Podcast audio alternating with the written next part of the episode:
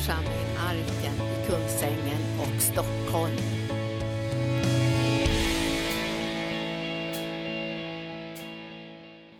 Ofta när jag hör förkunnare så säger de så här, det bästa ligger framför oss och det är verkligen sant. Det bästa ligger framför oss, för oss alla. För vi har segerpriset i sikte.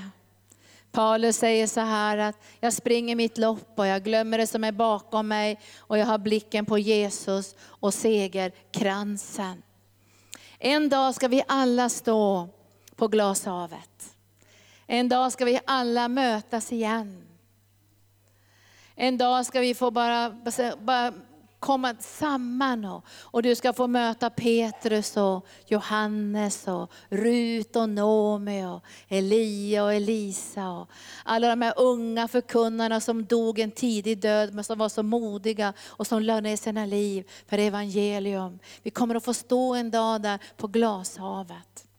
Och Paulus han säger så här i andra Korintierbrevet att jag brinner, säger han. Ni måste ha lite förståelse med mig för jag brinner så mycket. Och han talar till och med om sig själv som han är liten som en dåre. Han säger så ni måste ha lite överseende med, med att jag uppträder som en dåre. För jag brinner med en eld som kommer från Gud. Och jag brinner med en eld, för jag har tronlovat er med en enda man, situationstecken, Jesus Kristus. Och jag, jag har ställt er inför honom och jag vill ställa er inför honom som en ren jungfru. Och, och, vi är på väg in, vi är ju trolovade och därför ger vi vårt ja till Gud varje dag. Det händer många saker efter vägen. Många utmaningar, många prövningar och vi står många gånger vid olika vägskäl i livet. Precis som vi hörde Torbjörn sa, vad sätter vi först? Och den första kärleken handlar inte om en emotionell känsla. För att i Efesius tappar de ju den första kärleken. Den första kärleken är att alltid ha Jesus först. Alla andra saker får komma på andra plats. Och ibland är det så att saker upptar väldigt mycket tid och det kräver väldigt mycket tid för oss. Det händer olika saker i livet. Men i varje situation så måste vi göra det här inre beslutet. Du är först Jesus med tron på att han har omsorg om allt det andra. Visst är det härligt att tänka så? Alltså han har omsorg om oss. Vi kan inte kasta våra bekymmer på Herren om inte han har omsorg om oss. Vi måste nästan komma till det där första och tänka, han har omsorg om mig. Därför vågar jag kasta alla mina bekymmer på Herren. Det är väldigt många människor som är rädda nu i världen. Därför att det är så mycket som skakar. Och man pratar om är det över, överdrivet med klimathotet och det kanske inte är så farligt. Och man försöker liksom trösta sig med olika saker och en del förvärrar med sina ord och andra tycker att det är inte är så farligt. Men du och jag har ju Bibeln som vår informationsbok. Och vi vet ju att allt kommer att vackla, allt kommer att falla. Men Gud har berett en plats som aldrig någonsin kan vackla och aldrig någonsin kan falla. Och det är Guds församling och uppenbarelsen om namnet Jesus. Och vi ska tala om det idag, att vi har en trygg och säker grund för våra liv. Och vi kan bygga med tillförsikt på den klippan som är Jesus Kristus. Vi bygger inte vårt liv på lösan sand. Vi bygger inte vårt liv på vad som händer i Amerika eller Mellanöstern eller alla farhågor. Vi bygger vårt liv på en helt annan grund. Vi bygger vårt liv på Jesus Kristus. En stadig grund. Och Bibeln kallar ju Guds församling, vi ska läsa vad Gud säger ifrån Timoteusbrevet ska ta lite olika bibelställen den här dagen. Men Herren talar om Guds församling och Guds fruktans hemlighet. Guds fruktan har en hemlighet. Därför att allt som Gud egentligen talar om när han talar till oss handlar om en kärleksrelation. Och församlingen måste ha en kärleksrelation med Jesus. Och nu talar han om församlingens ska säga, djupaste uppdrag i den här världen. Församlingens djupaste uppdrag är att vara en uppenbarelseplats för Jesus. Alltså en uppenbarelseplats för Jesus och ett vittnesbörd om en återupprättad kärleksrelation. En återupprättad kärleksrelation. Och då räcker det inte att du och jag själva beskriver den här återupprättade kärleksrelationen. Jag tänkte på det, jag har varit borta två helger nu. Eh, en av de här helgerna har jag varit i Svedjeholmskyrkan, i Svedjeholmen, nej vad säger jag, Stenungsund, det var, jag blandade ihop olika ställen. Jag varit eh, Kristet Center Väst i Stenungsund. Och sen har jag varit uppe i Jokkmokk. Och då har jag mött, eh, ska jag säga, mitt biologiska folk, samerna. Och då tänker jag så här, när man står där själv bland många människor som ännu inte är troende. Ni har ju alla ert lilla missionsfält, ni möter ju människor som ännu inte har tagit emot Jesus som sin frälsare. Och sen står man där och så är man ett vittnesbörd om att man älskar Jesus. Vi är ju alla ett vittnesbörd för andra att vi älskar Jesus, eller hur? Men när man står där så känner man ibland som man skulle vara som en pelikan i öknen. Man känner det här, den här styrkan från församlingen. När vi kommer samman, väldigt många olika människor. Och den här styrkan av att stå tillsammans, både med ett gemensamt vittnesbörd och ett individuellt vittnesbörd.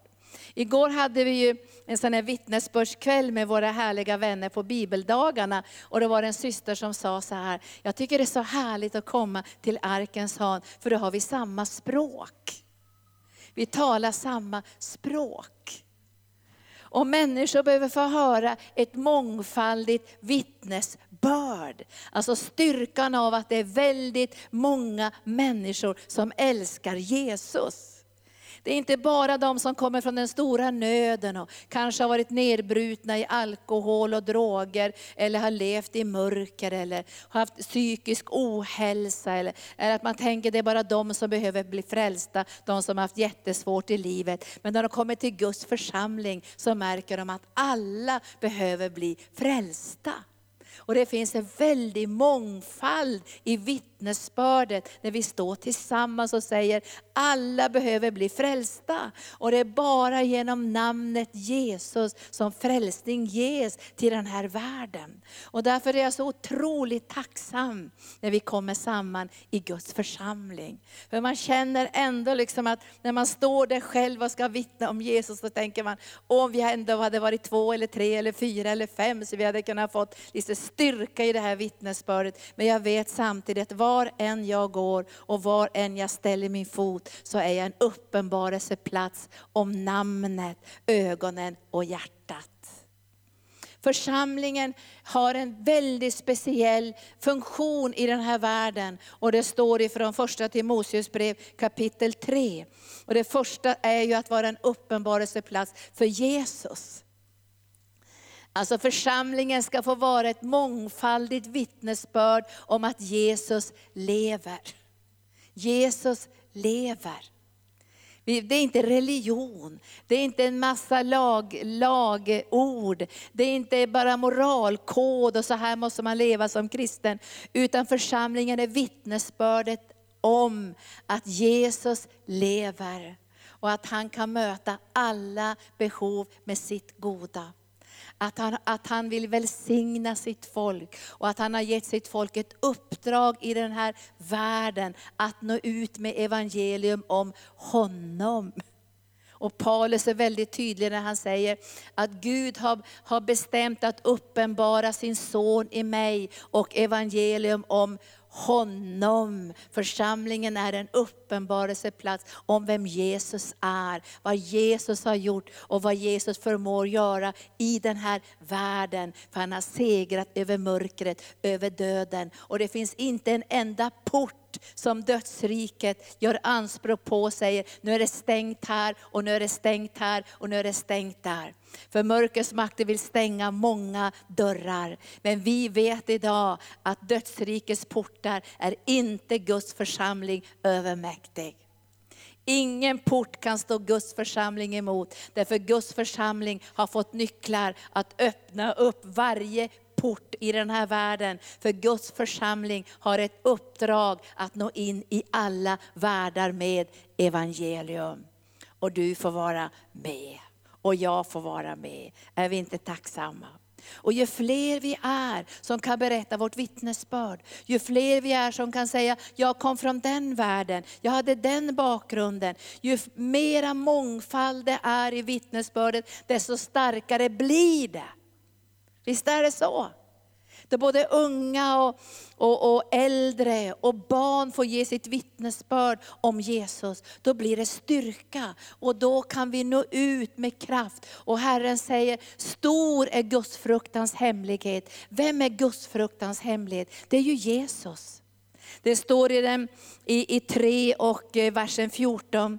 Detta skriver jag till dig i hopp om att, att snart komma till dig säger han till Timoteus. Men om jag dröjer vill jag att du ska veta hur man bör bete sig i Guds hus, som är den levande Gudens församling. Guds hus är den levande Gudens församling. Här har vi kommit samman för vi älskar Jesus. Vi har kommit samman därför att han har gett oss ett uppdrag. Ett, alltså vi är med i det mest gigantiska uppdraget någonsin som Guds församling. Att bli kanaler för Guds räddningsplan till människor ut över hela jorden. Tänk att du är med i någonting så stort och jag får vara med i någonting så stort. Guds räddningsplan. Guds räddningsplan. Och den här världen behöver ett ankare. Den här världen behöver stabilitet. Den här världen behöver ett grundfäste. Och det finns ingen stabilitet i den här världen som vi kan bygga på. Annat än Jesus Kristus och uppenbarelsen om vem han är och den seger som han har vunnit på Golgata kors. Halleluja. Stor är Guds fruktans hemlighet. Och så säger han, den levande Gudens församling, sanningens pelare och grundval eller grundfäste. Sanningens pelare. Gud måste ha en pelare för sanningen i den här världen som håller upp sanningen. Och det är därför det är sådana attacker mot Guds församling. Därför att Satan vill inte att Guds församling ska vara en pelare för sanningen. Och då försvagas Guds församling. Och när andligt krig kommer, när demoner börjar manifestera sig och förstar och herrar börjar göra anspråk på människor, då kommer inte Guds församling att ha kraft att övervinna och segra. Därför Guds församling ska vara en pelare för sanningen i den här världen och ett grundfäste. Alltså ett ankare för sanningen i den här världen. Vilket uppdrag vi har fått från Herren. Och vara ett fäste. Så människor kan bygga sina liv på en stabil grund och kunna övervinna och segra och klara av sitt liv i den här världen. Gudsfruktans hemlighet, det är Jesus. Och här i texten så beskrivs Jesus. Det står så här, han blev uppenbarad i köttet. Han blev rättfärdig genom anden. Han blev sedd av änglarna, predikad bland folken, trodd i världen, upptagen i härligheten. Guds fruktans hemlighet handlar om Jesus. Och därför behöver vi ha som Guds församling våran blick på Jesus, för att vi ska kunna fyllas dag efter dag efter dag med den kärlek som han fyller våra hjärtan med, så vi tillsammans, kollektivt och individuellt kan ge vårt ja. Vi ger vårt ja. Häromdagen så talade jag om en annan Jesus. Det finns många olika uttryck för Jesus inom new age-rörelsen. Men det är väldigt viktigt för dig och mig att fråga, är det frälsar-Jesus? Är det han som har kommit i köttet? Är det han som har lämnat Guds härlighet och fötts in i den här världen? Vilken Jesus talar vi om? Vi talar om Jesus som sann Gud och sann människa. Vi talar om, om Gud som blev människa och kom in i den här världen. Och det här var viktigt, gudsfruktans hemlighet. Jesus Kristus kommen i köttet. Och det här betyder att Jesus har delat mänsklighetens villkor. Och det står också här rättfärdig. Han kom in i den här världen och han syndade aldrig. Därför kunde han bli Guds offerlamm. Han var sedd av änglarna. Änglarna böjde sina knän. Änglarna betjänade honom. Änglarna tillbad honom. Änglarna gav sitt erkännande till Jesus Kristus. Och han segrade över döden. Han segrade över djävulen. Han segrade över alla sjukdomar. Och Gud väckte upp honom ifrån de döda. Och nu sitter han på Faderns högra sida och väntar på att alla fiender ska läggas under hans fötter som en fotapall. Församlingen är övernaturlig. Församlingen är född av Gud. Alltså det finns ingen organisation, inget företag, ingen stiftelse, ingen förening i den här världen som kan stå emot mörkrets makter utan församlingen är född från himlen. Och det var därför som Gud sa till de första lärjungarna och de som fanns omkring Jesus, stanna i Jerusalem, så ska ni få kraft från höjden. Stanna i Jerusalem så ska ni få kraft från höjden och ni ska bli mina vittnen. Och de stannade i bön och sen hände detta fantastiska på pingstdagen, hur Guds ande faller över den här lilla skaran av människor och församlingen föds. En övernaturlig plats för Guds härlighet i den här världen. Och du och jag får vara med. Visst blir man gripen i sitt hjärta. En övernaturlig församling, en övernaturlig kallelse, ett övernaturligt uppdrag och du och jag får vara med. Och när, när Petrus möter Jesus, och vi ska titta ifrån ifrån Matteus evangelium kapitel 16 i den trettonde versen. När, när, när Jesus frågar sina lärjungar, vem säger ni att jag är? Och det är väldigt viktigt att veta vem Jesus är. Därför vi bygger församlingen på uppenbarelsen om Jesus. Och det är därför som vi vet att ingenting kan övervinna oss. Vem säger ni att jag är? Och de börjar genast tala det naturliga. Det som kom, liksom det som de tyckte var det allra bästa som fanns i den här världen. Och så frågar han dem, vem säger ni att jag är? Eller vem säger människorna att Människosonen är? Och de svarade, vissa säger Johannes döparen, andra Elia och andra Jeremia eller någon av profeterna. Men men han sa till dem, och ni, vem säger ni att jag är? Vem säger ni att jag är? Om vi ska kunna genomföra det uppdrag som Gud har kallat oss till, så måste vi veta vem Jesus är. Vi måste få en uppenbarelse om vem han är. Vi är en övernaturlig församling som har fått ett övernaturligt uppdrag, som har övernaturliga så att säga, verktyg eller nycklar. Vi har fått en kraft från Gud så vi ska kunna bryta igenom och fullborda vårt uppdrag. Och nu så händer det någonting i Petrus hjärta. Han får uppenbarelse om vem Jesus är. Och han säger så här, men du är en, du är en levande Gudens son. Och Jesus sa till honom, salig är du Simon, Jonas son, för det är inte kött och blod som har uppenbarat detta för dig, utan det är min far i himlen. Och vår bön är att vår far i himlen ska uppenbara vem Jesus är mitt ibland oss, så vi med frimodighet och eld kan säga ja till det uppdrag som vi har fått och vi bryter igenom. Och så säger Jesus så här till Petrus, fantastiska orden. Och jag säger dig Petrus, på denna klippa, på uppenbarelsen om mitt namn, på uppenbarelsen om vem jag är, ska jag bygga min församling. Och helvetets portar ska inte få makt över den. Alltså varje hinder från mörkrets sida. Och jag, jag ser ju ibland hur mörkret vill sätta upp, eh, stänga porten för helande. Han vill säga, nej men Gud helar inte idag. Det kommer inte ske några helanden. Han vill stänga den här porten. Men Jesus säger, dödsrikets portar är inte Guds församling övermäktig. Och därför kan du och jag spränga varje port och bana väg för det som Jesus har segrat över på Golgata kors och lösa in läkedom i den här världen. För vi har fått himmelrikets nycklar. Tänk att Gud har gett sin församling himmelrikets nycklar. Och han kan inte bygga sin församling om inte vi gensvarar. Alltså Gud kan inte bara bygga sin församling någonstans ute i skogen och säga, här är min församling. Han måste få det här gensvaret i våra hjärtan. Och det som han säger till Petrus är, du ska vara med och bygga Guds församling. Du ska vara en liten sten som jag ska bygga med.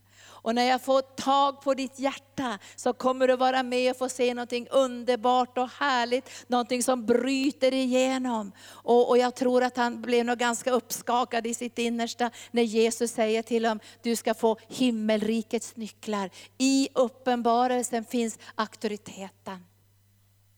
Det är därför vi ber till Gud om att få uppenbarelse om vem Jesus är. Vi ber till Gud om att få uppenbarelse om att församlingen är Kristi kropp. Det är Jesus som är församlingen, uppenbarelseplatsen för hans härlighet. Och samtidigt är du och jag lemmar i den här kroppen kroppen. Där vi tillsammans som scener och leder, eh, delar i den här kroppen, får vara med och gensvara för att mångfalden av hans visdom, härlighet och skönhet ska bli synlig i och genom församlingen och proklamera för andevärldens furstar och väldigheter att de är besegrade. Tack Jesus, vilket uppdrag. Vet ni, många platser i den här världen är det stängt. Det, jag, vi har satt med advokaterna häromdagen, vi, sitter, vi håller på att göra lite olika saker för att eh, ja, vi ska försöka få in det andliga, kristna andliga i skola och omsorg. Men på många platser är det stängt. Det är stängt för den kristna bönen, men det är öppet för den österländska bönen som heter meditation. Det är öppet för. Och så säger man, men det här är ju stängt och det är stängt där och det är stängt där. Då måste du och jag komma ihåg att vilken port som än dödsriket och djävulen låser, så har Gud gett dig och mig nycklarna. Vi kan vara med och förändra den här världen. Det är vårt uppdrag ifrån Gud. Ingenting kan stoppa oss när vi har fått uppenbarelsen om vem Jesus är. Ingenting kunde stoppa Jesus. Och jag tror att Petrus är skakad. Han är skakad i sitt innersta. Han ska få himmelrikets nycklar. Och han, Gud säger till honom, så här, Jesus säger till honom, att allt det som du binder på jorden, allt det som du binder på jorden, det kommer att bindas också i himlen. Det som Jesus säger, att om du tar itu med mörkret här på jorden och håller tillbaka krafter och makter, då kommer hela himmelens härskara att stå bakom. När du säger, nu binder vi de här krafterna, nu står vi emot det här mörkret. Nu, så kommer himmelens hela kraft att stå bakom dig. Precis som det var när de här spetälska gick mot fiendens läger. Kommer ni ihåg det? De kände sig nog ganska svaga. De sa om vi får leva eller dö så går vi mot fiendens läger. Då tog Gud högtalaranläggningen i himlen och, och satte en sån kraft över dem. Så när fienden hörde deras stapplande steg så hörde fienden hur, det, hur härar kom emot dem och de flydde hals över huvud. När du binder någonting så är det bundet i himlen. Guds härlighet står bakom.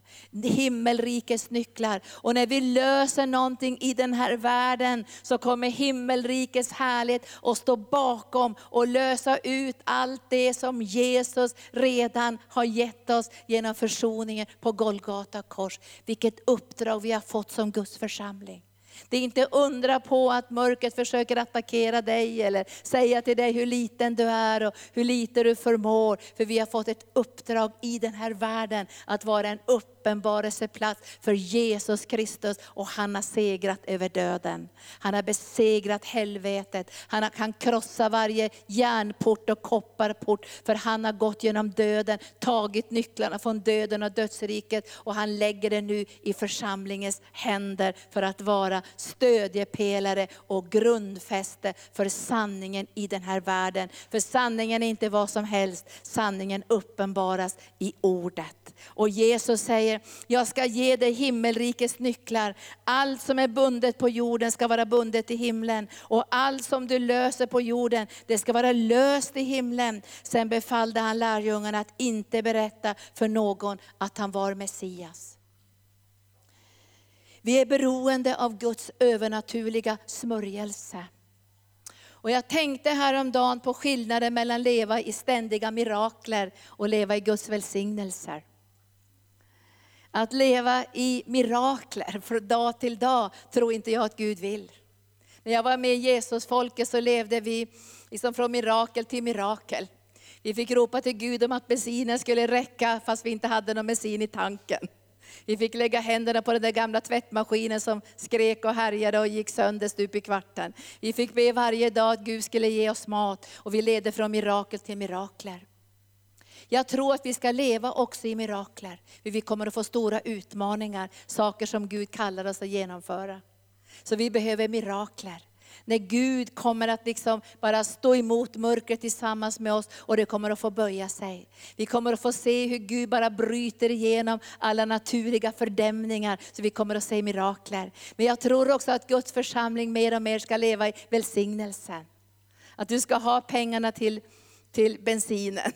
Att du inte ska behöva be varje dag för den trasiga diskmaskinen. Eller lägga händerna på bilen som inte går att köra. Jag tror Gud han vill inte att vi ska leva i de här utmaningarna, vardagsmirakel varje dag. Han vill att du ska leva i välsignelsen. Gud har välsignat sin församling och vi ska låta den här välsignelsen bryta fram på område efter område. Men vi ska också se miraklerna hur Gud bryter igenom på områden som mörkret har försökt att stänga till. Det kommer vi att öppna de portarna och vi kommer att nå alla de målen som Gud har lagt i våra hjärtan som individer och som församling att gensvara till och bryta igenom. Får jag ett halleluja? Dödsrikets portar. Vi behöver leva i Guds övernaturliga smörjelse. Jag läste häromdagen när Jesus säger så här att jag kan inte göra något av mig själv. Jag kan bara göra det som jag ser Fadern göra. Jag kan bara göra de gärningar som jag liksom ser. Alltså jag kan bara säga det som Fadern säger och, och göra det som Fadern gör. Och det som man egentligen talar om det är ju det här beroendet av en övernaturlig dimension i den heliga Ande. Vi är kallade som Guds församling att leva i det övernaturliga. Och jag tror inte riktigt att Petrus förstod det här när han fick den här kallelsen. Att det också var en kallelse att leva i det övernaturliga. För han trodde, när, när Gud sa de här fantastiska orden, det är klart att han kände sig särskilt utvald. Men bara en stund senare så säger Jesus till alla sina lärjungar, jag har gett er himmelrikets nycklar. Men när Petrus får det här uppdraget så tror jag inte att han riktigt förstår att det är ett övernaturligt uppdrag. Och vi behöver påminna oss varje dag att för att vi ska kunna fullborda och genomföra och säga ja till det som Gud kallar oss till, så är det ett övernaturligt uppdrag och vi har fått en övernaturlig smörjelse och vi har fått en övernaturlig utrustning i den heliga Ande. Jag tror inte riktigt Petrus förstod det. Han tänkte det här klarar vi av, det kommer att gå jättebra. Det gör inte det. Det behövs en övernaturlig smörjelse. Men den smörjelsen har Gud gett i sin församling och därför säger han till lärjungarna, stanna kvar i Jerusalem, för jag ska beklä med kraft och ni ska bli mina lärjungar. Under 2017 så kommer vi ännu mer att göra oss beroende av Guds kraft på den här platsen. Och vi kommer att få se sådana fantastiska genombrott på område efter område. Men Petrus, jag tror att Petrus tänkte så här, men det här klarar vi av. Det här kommer att gå på en räkmacka. Det kommer inte bli några problem. Och när Jesus börjar tala om sitt lidande, om att han måste gå genom lidandet, så förstår inte Petrus det. För han säger, men vi ska ju ha himmelrikets nycklar, allt ska ju vara underbart och härligt och allt kommer att gå jättelätt. Jag ska säga dig idag att allting, vi kommer att segra i varje situation. Men jag vill också säga så här, att i den här världen så kommer djävulen att göra motstånd, men han kommer att få böja sina knän. För vi har fått himmelrikets nycklar. Och det vi binder på jorden måste vara bundet i himlen, och det vi löser på jorden kommer att vara löst i himlen. Jesus säger till Petrus här, Petrus säger han, Djävulen har begärt att få dig i sitt såll. Visst är det jobbiga ordet? Djävulen har begärt att få dig i sitt såll. Kunde inte Jesus ha sagt, men böj dina knän Satan, du ska inte alls sätta Petrus i något såll. Men det, han säger inte det, han säger så här, djävulen har begärt att få sålla dig. Men jag har bett för dig och i den här nya översättningen som jag har så står det att din tro inte ska ta slut. Att din tro inte ska ta slut. Vet du att din tro måste få näring? Och hur får vår tro näring? Genom Guds ord och Guds löften. Så får vår tro näring. Och Jesus säger till Petrus, jag har bett för dig att din tro inte ska ta slut. Men innan tuppen gal så kommer du tre gånger ha förnekat mig. Därför det kommer att bli sånt tryck på ditt liv att du kommer inte att klara av det här. Och egentligen skulle Jesus sagt, du är totalt beroende av den heliga Ande för att klara av den här prövningen. Men Petrus säger så här, jag klarar av det här själv. Jag klarar av det här i egen kraft.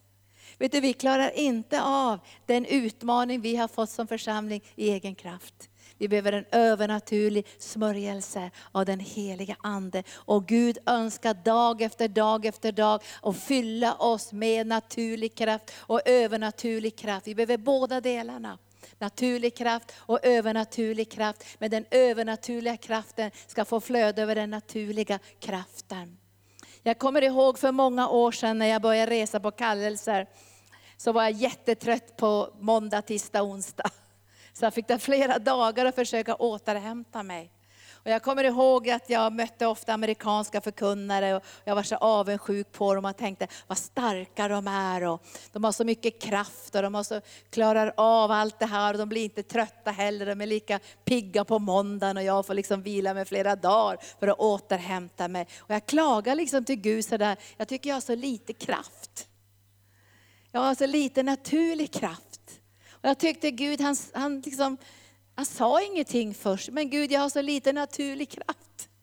Och så sa han så här, tror du Linda att du ska leva av din lilla naturliga kraft?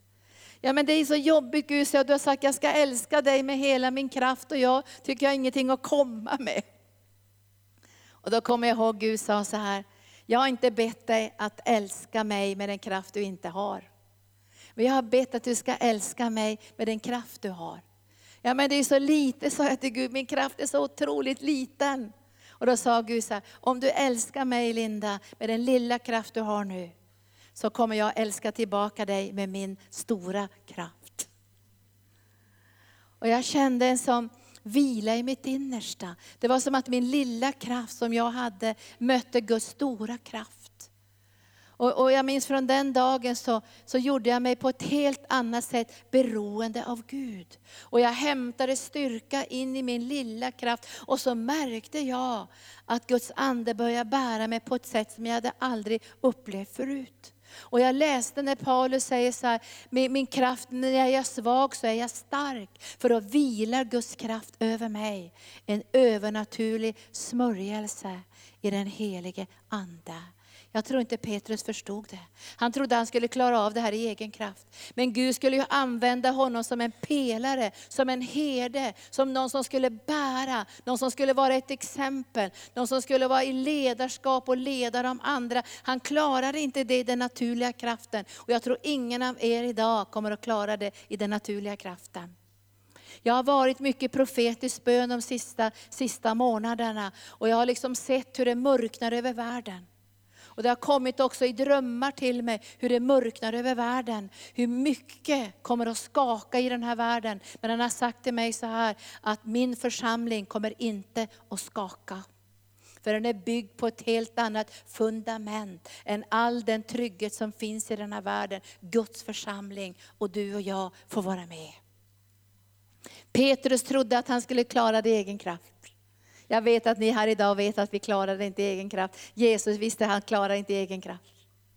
Han hade ju naturlig styrka, men han säger, jag ger min styrka till Gud. Han säger, jag söker inte min vilja, jag söker hans vilja. Jesus visste också att som natu det naturliga, det mänskliga, han var ju sann människa, var totalt beroende av en övernaturlig smörjelse. Och därför så kunde Jesus sitta vid Sykars brunn, när de andra gick och hämtade mat. Och när de kom tillbaka såg de att han hade en helt annan mat än den naturliga maten. Och de frågade honom, var har du fått den här maten ifrån? Och då säger han, att göra Guds vilja, det är min mat. En övernaturlig smörjelse. Petrus klarar inte trycket. Och jag tror att vi som församling kommer inte heller klara trycket om vi inte får den övernaturliga smörjelsen närvarande i, vår, i, i allt vad vi gör och alla, alla beslut vi tar och de steg vi tar ska vara en övernaturlig smörjelse och utrustning i den heliga Ande. Då finns det ingenting vänner som kan hindra det som Gud har kallat oss till. Vilken koppling kopparport och vilken stenport och vilken dödsport som män stänger så har vi fått nycklarna från himlen och vi kan öppna. För vårt uppdrag är inte bara till Kungsängen och Bro, utan vårt uppdrag är till stora delar av den här världen, där Gud har kallat oss att föra ut evangelium. Ibland så Ja, det ska snacka om ner för landning. Men jag tror att många av er har upplevt lite kraschlandning ibland i den egna kraften. Det är inte farligt. Man vill ju inte ha en kraschlandning som Petrus. Men visst upplever man ibland när man kommer i olika livssituationer att den här naturliga kraften räcker inte. Har ni känt så? Det räcker inte. Och ni vet Paulus han säger så här, de river till exempel sönder sina kläder och säger så här, vi är inga gudar, vi är vanliga människor. Vi bygger inte på det naturliga, vi bygger på klippan Jesus. Vi, vi, vi, alla har lite då och då lite kraschlandningar. Så vi känner så här, hjälp min naturliga kraft räckte ju inte. Det jag hade i det naturliga, det räckte inte. Vet du, när du känner det så ska du säga tack Jesus.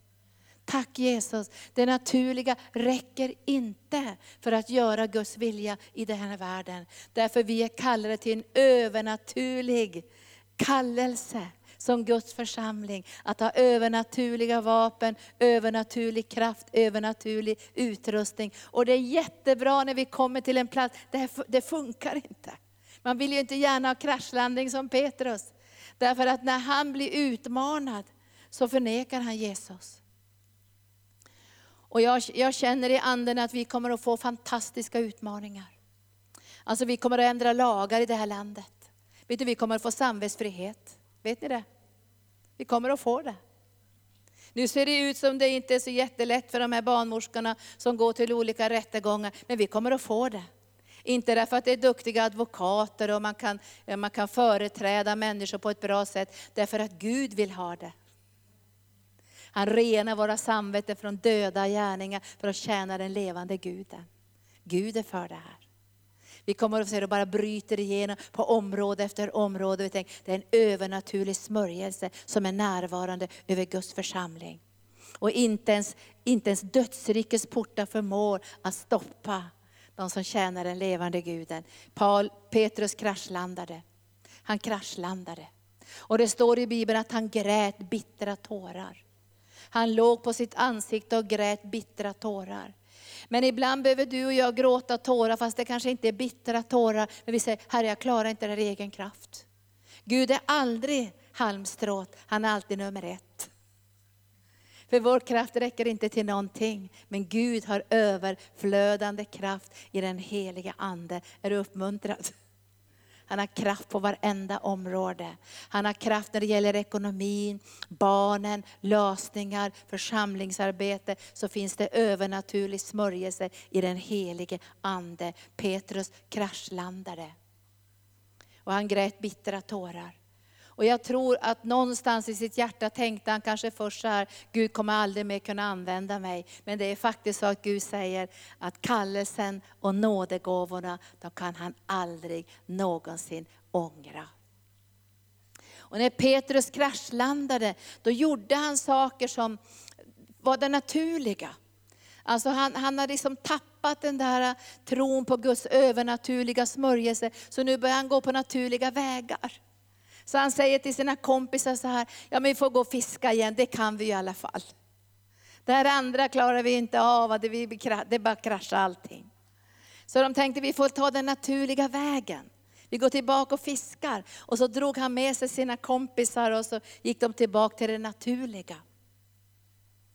Men när du och jag känner att vår kraft inte räcker, då går inte vi tillbaka till det naturliga. Då går vi in för Guds ansikte och får en smörjelse av den heliga Ande och erfarenhet av en kraft som inte kommer ifrån den här världen. För Guds församling kan inte byggas på att du och jag är akademiker, eller att vi kan IT, eller att vi är revisorer, eller att vi är duktiga på barn eller något sånt de naturliga styrkorna. Vi måste bygga på den övernaturliga smörjelsen i den heliga Ande. Och det är först där som våra inre får vila hos Gud. Annars kommer vi att sprattla, vi kommer att göra oss beroende av den naturliga styrkan. Och det kommer att sluta med att vi blir utbrända, uttröttade. Men vi ska varje dag dricka från en övernaturlig källa och få del av en övernaturlig smörjelse. Men jag tror att det hände något i Petrus hjärta när han såg Jesus vid kolelden. Alltså det slog an en ton. Det slog an en ton. Och han kom ihåg de profetiska orden, att han skulle vara med och bygga Guds församling. Vet du, jag tror inte att vi får styrka av profetord. Det kan styrka för en kort stund, men alla profetord måste landa i kärleksrelationen med Gud. För uppdraget som Gud ger till individen och till Guds församling måste landa i kärleksrelationen. Så när Jesus möter Petrus så frågar inte han så här, kommer du ihåg profetorden? Kommer du ihåg vad jag sa till dig när du fick uppenbarelsen om att jag är Messias, den levande Gudens son? Kommer du ihåg att jag sa till dig att du skulle vara en pelare eller en, en klippa eller en sten i min församling? Han sa inte det. Han frågade bara tre gånger, älskar du mig? För Gud måste lägga kallelsen, uppdraget, allt det som han har bestämt för oss gemensamt och individuellt i kärleksrelationen i vårt gensvar till honom själv. Tre gånger frågar han Petrus, älskar du mig? Och sen förnyar han uppdraget i hans hjärta att han ska vara en herde för lammen, för fåren. Ni vet allt det där vid uppståndelsens morgon. Och det händer något med Petrus. Han blir fullständigt förvandlad. Nu litar han inte längre på den egna kraften. Han litar på den övernaturliga kraften i den helige Ande. Vi kommer att gå in i utmaningar som Guds församling över världen. Vi kommer att möta krafter och makter som vi inte har mött förut. Vi kommer, vi kommer att komma på nivåer där furstar och väldigheter kommer att försöka hindra människors frälsning. Men jag vill bara säga idag till er alla, vi har en övernaturlig smörjelse. Låt inte den här mänskliga begränsningen och svagheten hindra er, utan älska Herren med hela kraften, även om den är liten. Älska Herren med hela själen, älska Herren med hela förståndet, älska Herren med hela din ande och låt honom få upp uppenbara den övernaturliga dimensionen i den heliga Andes kraft. Så att vi tillsammans som Guds församling ska kunna genomföra och fullborda vad Gud har kallat oss till. Så vi inte begränsas av det naturliga, utan vi får flöda i det övernaturliga.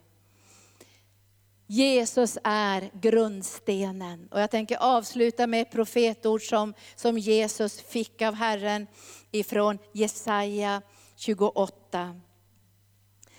Det talas mycket om grundstenen i Bibeln, det talas mycket om slutstenen. Det talar om den här klippan som vi ska bygga våra liv på. Och Jesus läste Jesaja 28 och versen 16 och så står det så här. Därför säger Herren Gud så här, se jag har lagt en grundsten i Sion, en beprövad sten, en dyrbar hörnsten, en fast grundval. Den som tror på den behöver inte fly.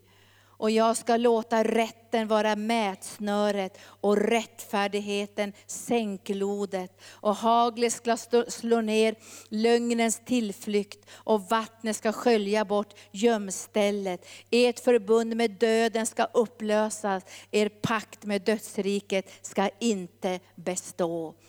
Alltså Jesus förstår när han läser de här bibelställena att det här handlar om honom. I Sion ska läggas en grundsten. Församlingen är Guds sten i den här världen. Församlingen är uppenbarelseplatsen där mångfald och enhet och, och härlighet ska kunna uppenbaras och människor ska kunna känna igen sin längtan efter Gud.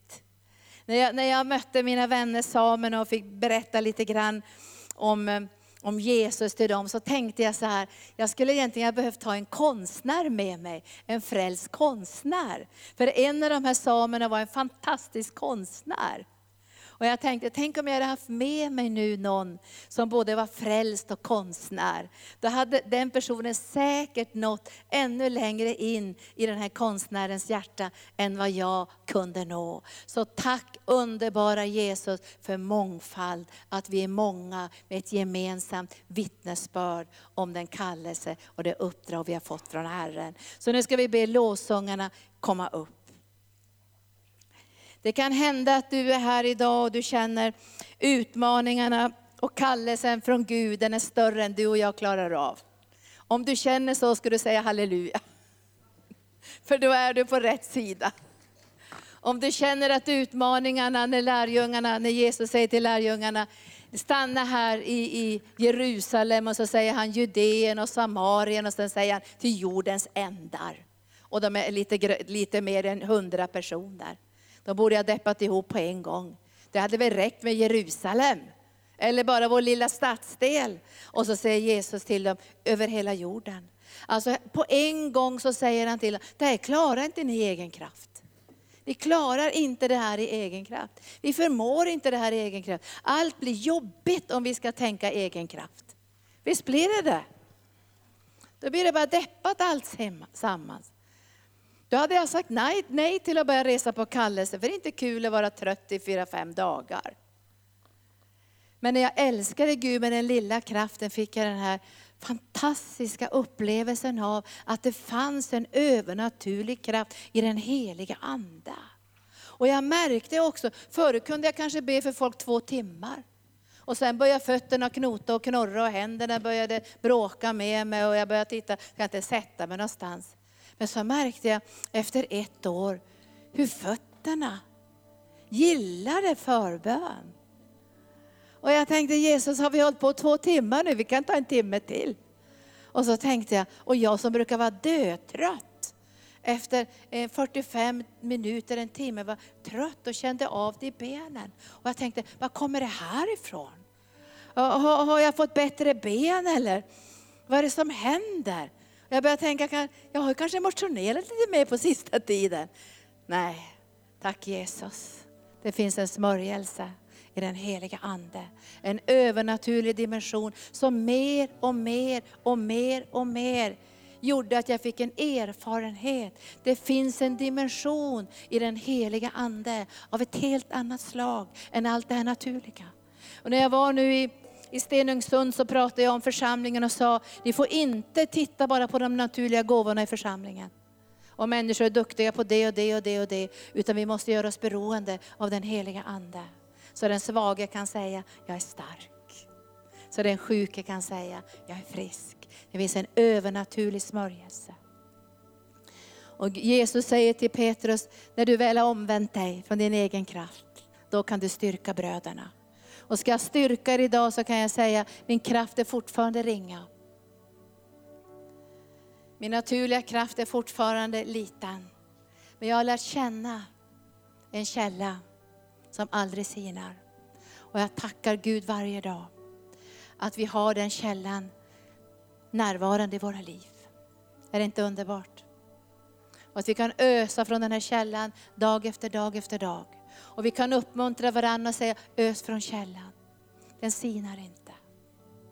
Och är du här idag så du känner Jesus, jag tycker jag har kraschlandat, min egen kraft, jag klarar inte det här. Vi har många sådana upplevelser under livet. Särskilt när man är i ledarskap kan man uppleva att, att man blir trött och lite sliten och utmaningarna. Och... Men vi bygger inte på hö och strå. Vi bygger på klippan Jesus. Och jag har känt många gånger att om jag har gått fel någon gång i mitt eget liv som ledare, så har jag tänkt så här, åh nu måste jag försöka fixa det här, måste jag försöka lösa det här, och nu är det ett problem till, och nu händer det här i församlingen. Men jag har tänkt så här, det är Jesus. Jag lägger det på hans axlar. Och sen tänker jag, han har lösningarna och han har utvägarna. Hans kraft har inte slut. Min kraft tar slut men inte hans kraft. Och så vill han ha från mitt hjärta, mitt hjärtas överlåtelse. Jag vet inte om jag har talat till någon här i, i, i, idag, men jag minns för några år sedan, så, det var länge sedan, en del år sedan, så var jag jättetrött. Och det kändes nästan som när jag försökte vandra i fjällen i Norge.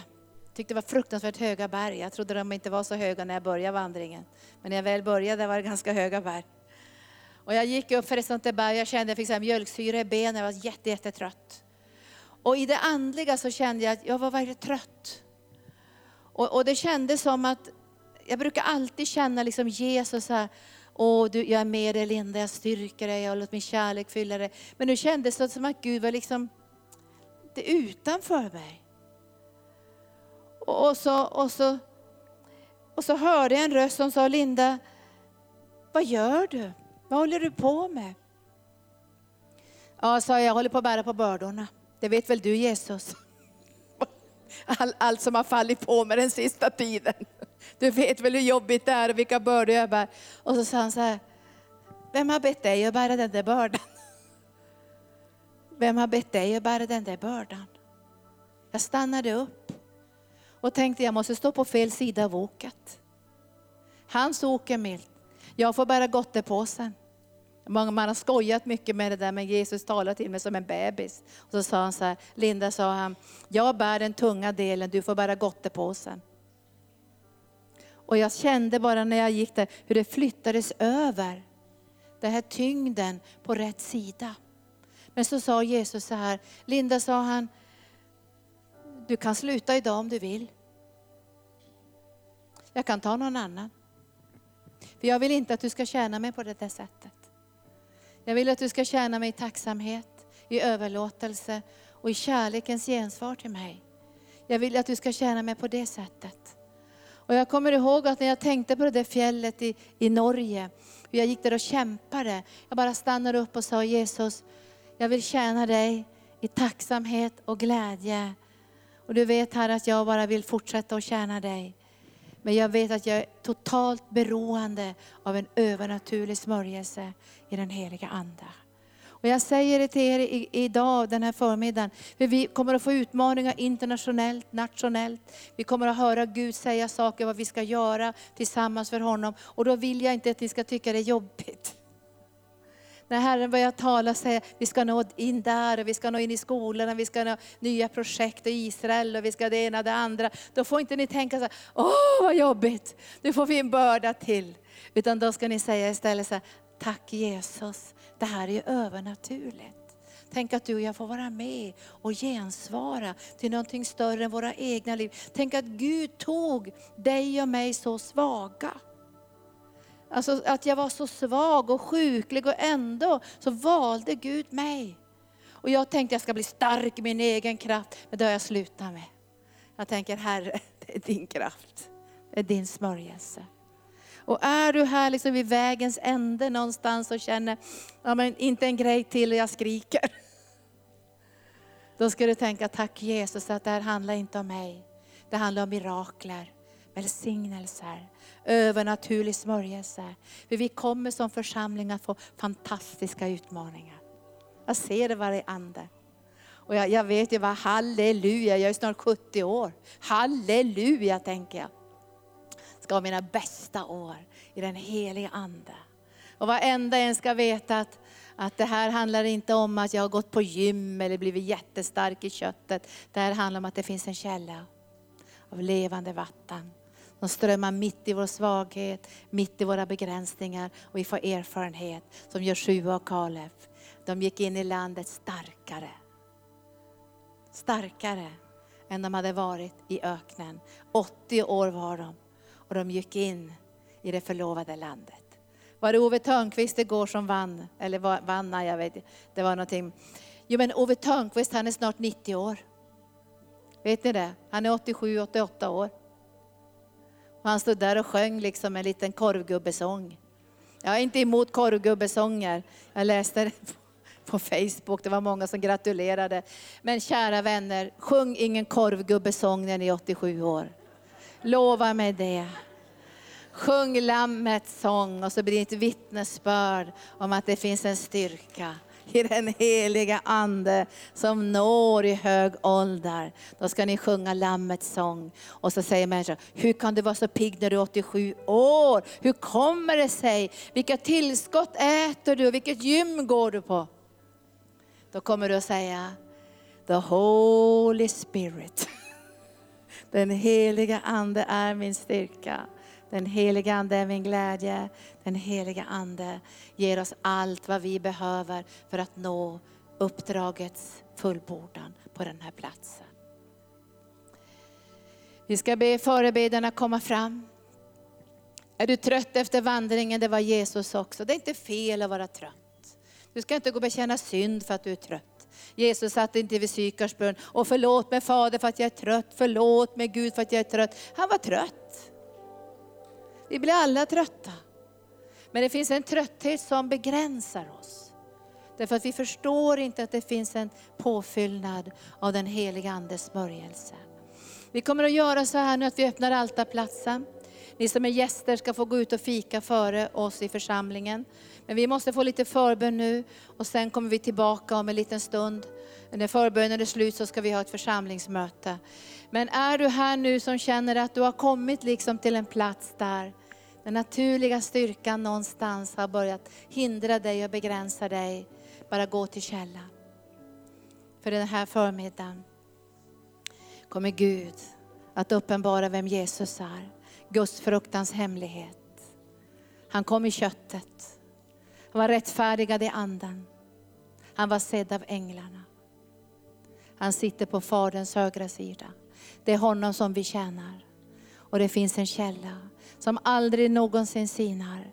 Och det är den som vi ska ösa ur. Kom helige Ande. Vi sjunger en sång och ni som vill bara kan ställa er upp och ni som vill komma fram så hämtar vi ny styrka och får erfarenhet. Det finns en kraft som aldrig sinar. Och vi ska få mer och mer av den Herre, då vi kan ge äran till dig. Det var inte vår egen förmåga. Det var inte vår utbildning eller akademiska karriär som gjorde det här. Det var du underbara heliga Ande. För den sjuke sa jag är frisk. Och den svage sa jag är stark. För vår synd är förlåten. Och vi är renade med Lammets blod. Ora sentaya kerasiria, reguredere och masonto keidia, lekosaya etrosendria, meprosoria kentaidia, en viloplats för Guds folk. En övernaturlig plattform i den här världen, där vi får vara med och bygga någonting som är bestående för evigheten. Och vi lägger våra liv på altarplatsen för ett högre syfte. Kom heliga Ande. Åh, vi bara ber. Kom med förnyad kraft. Vi tänker inte gråta bittra tårar då det naturliga tog slut. Utan vi tänker gråta glädjetårar över att vi får användas av honom i vår svaghet, i vår naturliga begränsning. Så kommer en smörjelse från himlen som fyller våra liv med övernaturlig kraft i den heliga Ande. Tack för att du har lyssnat. Vill du få del av mer information om församlingen Arken, vår helande tjänst, bibelskola och övriga arbete, gå in på www.arken.org.